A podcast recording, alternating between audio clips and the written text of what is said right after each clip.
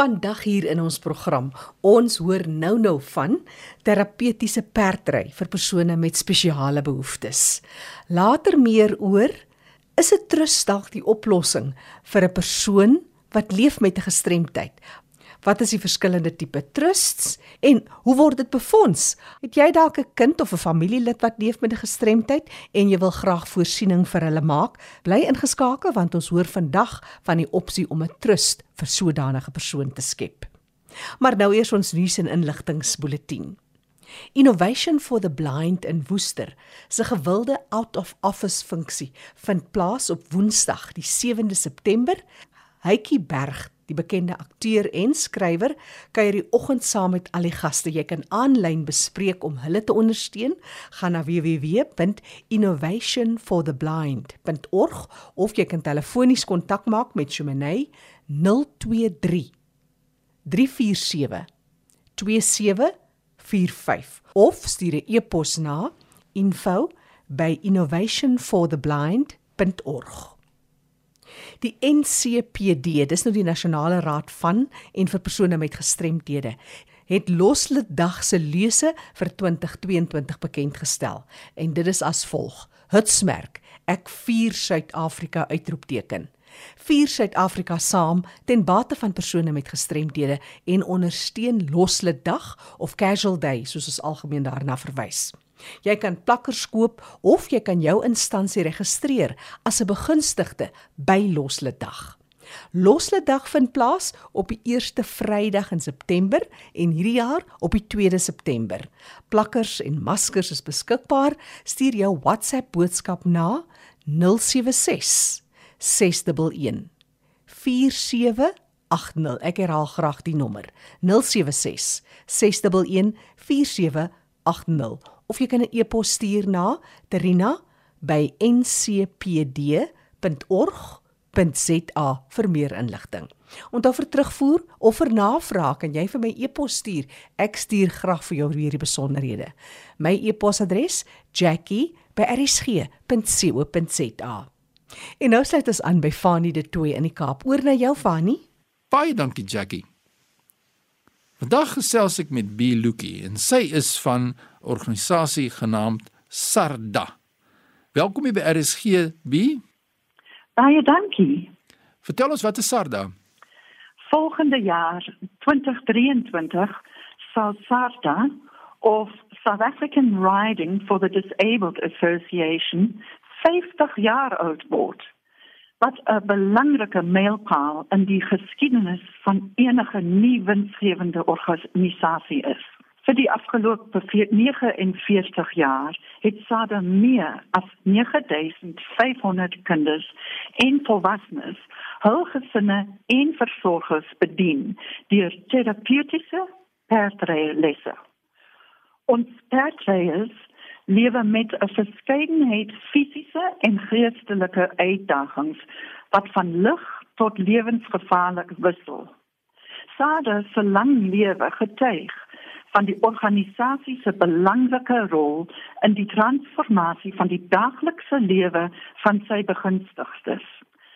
Aangesien Sade se grond en fasiliteite onder bedreiging van 'n grondeis geraak het, kan nie die bedreiging veroorsaak dat SADA sluit indien geen regverdige en billike oplossing vir hierdie gronduitdaging gevind word nie. Aangesien SADA 'n selfbefondste nie winsgewende organisasie is en op hierdie stadium geen alternatiewe grondoplossing het nie, moet ons aansienlike kapitaal insamel om indien nodig 'n alternatiewe oplossing te vind en die organisasie se onafhanklikheid te verseker. Dit sal 'n tragedie wees vir al die spesiale behoeftes skole wat SADA bedien en die gemeenskap in die breë as SADA gedwing word om te sluit. Wie kan jy net vir ons luisteraars presies sê waar is SADA geleë?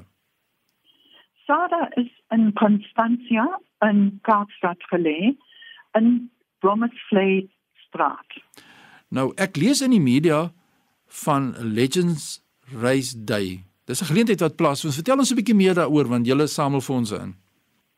Ons Legends Day fondsinsamelingsgeleentheid het plaasgevind op Saterdag die 23 Julie by Kenilworth Racecourse. En uh, dit was daarop gemik om die legendes en helde van Sada te vier wat vir 49 jaar hul diens gratis aan voorheen benadeeldes en die spesiale behoeftes gemeenskap in die Weskaap gelewer het. Die Legends Fonds insameling was ook die voorloper van 'n veel groter fondsinsamelingsgeleentheid getiteld Lighting Up Africa Together wat 'n paadrit van Kairo na Kaapstad in die vooruitsig stel. Tel ons 'n bietjie meer daaroor. Die idee het sy lewe aan die begin van die COVID-pandemie gevind. Ons het besef dat die pandemie en die grondeisbedreiging ons organisasie kan lam lê. So ons moet iets moet iets groots beplan en ook iets wat 'n wêreldwye reikwyte kan bereik.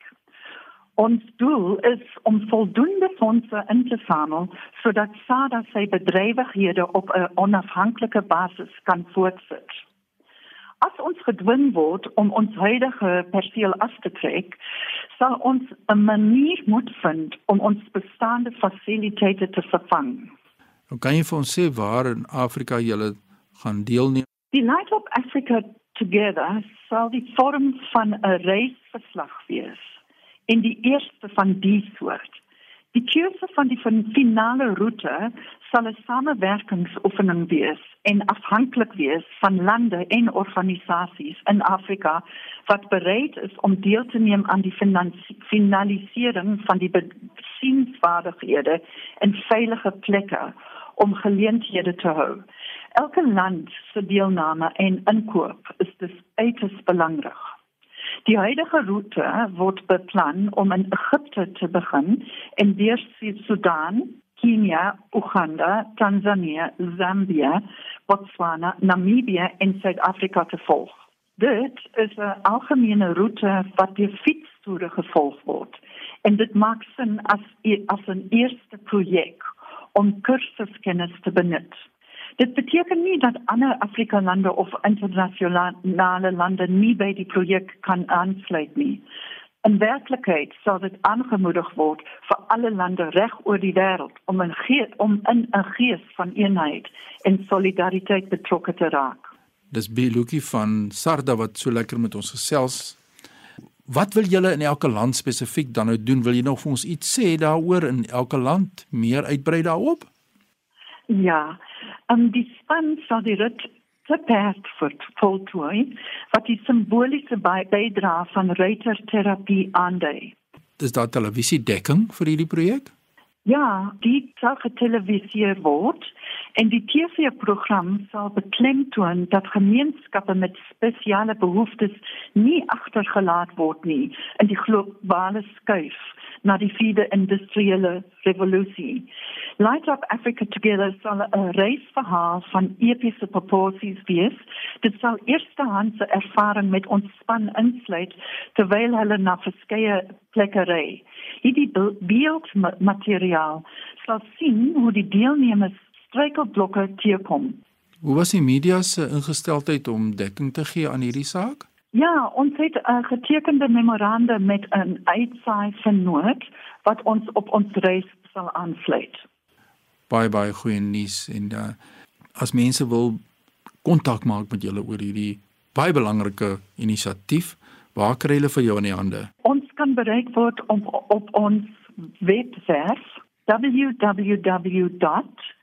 www.sada.co.za My e-posadres is capetown@sada.co.za of jy kan my bel op 021 794 4393.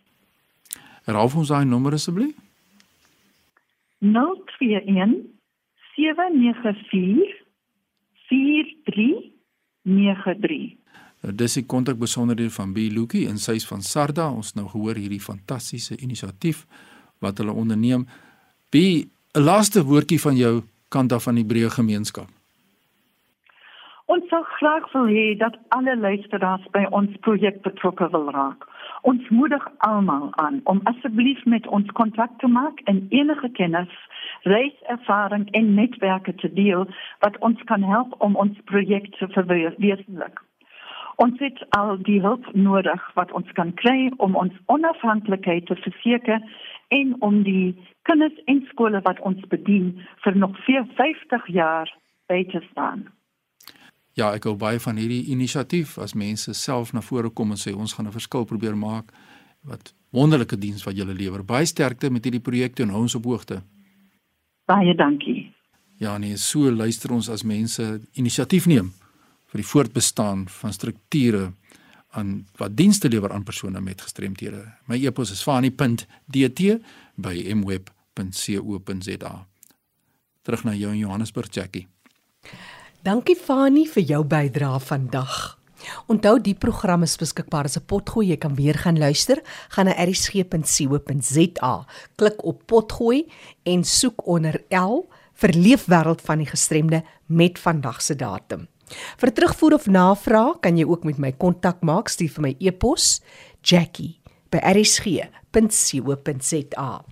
Ek gesels nou met Lambert Stafas, 'n belastingkundige en dis na aanduiding van navraag spesifiek oor trusts vir mense wat leef met gestremthede. Lambert, jy werk met belastingindiening van opgawes, die terugeis van voordele en so meer.